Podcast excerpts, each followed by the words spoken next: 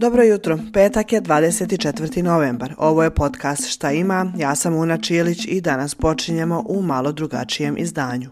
1, 2, 3, 4. Svakog novembra od 1991. godine širom svijeta obilježava se 16 dana aktivizma, kampanja protiv rodno zasnovanog nasilja.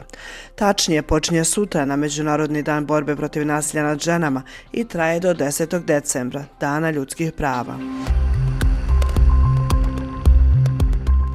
Kao podršku inicijativi generalni sekretar Ujedinjenih nacija pokrenuo je 2008. godine kampanju Unite za okončanje nasilja nad ženama koja se odvija paralelno sa 16 dana aktivizma, a ove godine pod motom Investirajte u prevenciju nasilja nad ženama i djevojčicama.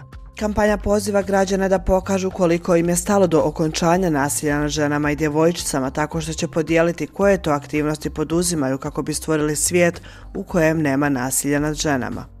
Ovogodišnja kampanja također poziva vlade širom svijeta da podijele kako ulažu u prevenciju rodno zasnovanog nasilja a u Unsko-Sanskom kantonu kampanju realizuje ženski pokret u koji su se udružile članice 20 organizacija i udruženja, a jedan od ciljeva upravo je usmjeren ka dostizanju nultog stepena tolerancije prema bilo kojem obliku nasilja.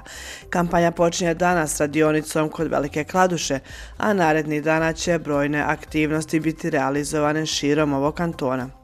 Koji su njihovi zahtjevi, reći će nam Neira Raković, koordinatorica ženskog pokreta Unsko-Sanskog kantona. Uvođenje pravne definicije femicida kao krivičnog dijela u zakonske i podzakonske akte, uskuđivanje krivičnih zakona sa Istanbulskom konvencijom, osiguranje prevencije i zasta žena od nasilja putem nadležnih institucija, dosljednu primjenu zakona, izradu strategija na državnom nivou vezano za prevenciju. Nismo zadovoljni zapravo sa radom i djelovanjem institucije, zbog toga mi upućujemo te zahtjeve. Mi jesmo što se tiče femicida dobili odgovor od federalnog parlamenta da je naša inicijativa prihvaćena i da je dostavljena federalnom ministarstvu pravde na izvišnjenje, odnosno da se stvore preduvjeti, da se izradi znači, preporuka na koji način će se femicid definirati kao krivično djelo.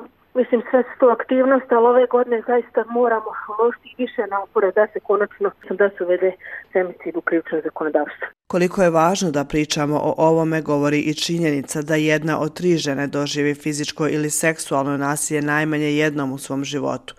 Podaci VSTV-a pokazuju da je u periodu između 2021. i 2022. u Bosni i Hercegovini ubijeno 19 žena. U zemlji postoji nekoliko opcija za prijavu nasilja, među njima je SOS brojevi telefona za federaciju, taj broj je 1265, a za Republiku Srpsku 1264.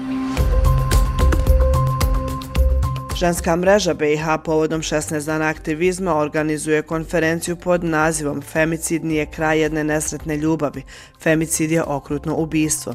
UN žene otvaraju kampanju u pozorištu mladih, a u Brčkom će na trgu mladih biti organizovana ulična akcija povodom Međunarodnog dana borbe protiv nasilja nad ženama i djevojčicama, dok će Uprava za politijsko obrazovanje MUPA Republike Srpske danas organizovati okrugli sto pod nazivom Nasilje u porodici, stanje, izazovi i moguća rješenja.